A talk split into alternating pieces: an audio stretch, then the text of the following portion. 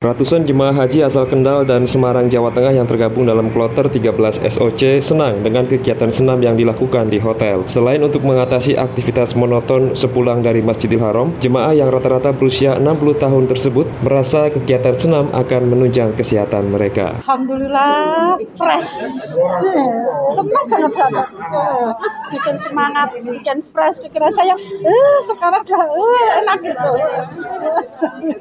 Jadi pengen terus ya? Insya Allah aku mau, mau biar sehat dong. Ya. Nah, terus ibu selama di, sini menjaga kesehatannya seperti apa? ya kita makan semua, terus minum vitamin. Eh, selalu pokoknya makanan di sini enak semua. Saya makan biar aku sehat selalu. Semangat banget ibu. Iya. Oke, terima kasih.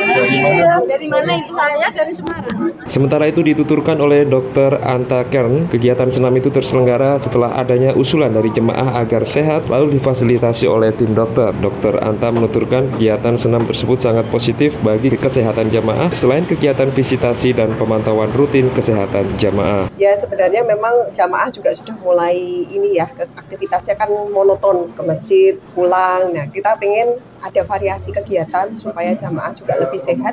Makanya kita kemarin juga ada beberapa jamaah kapan senam kapan senam, ayo kita senam. Jadi memang jamaah juga mengharapkan ada kegiatan dan kami juga menginginkan supaya jamaah lebih sehat.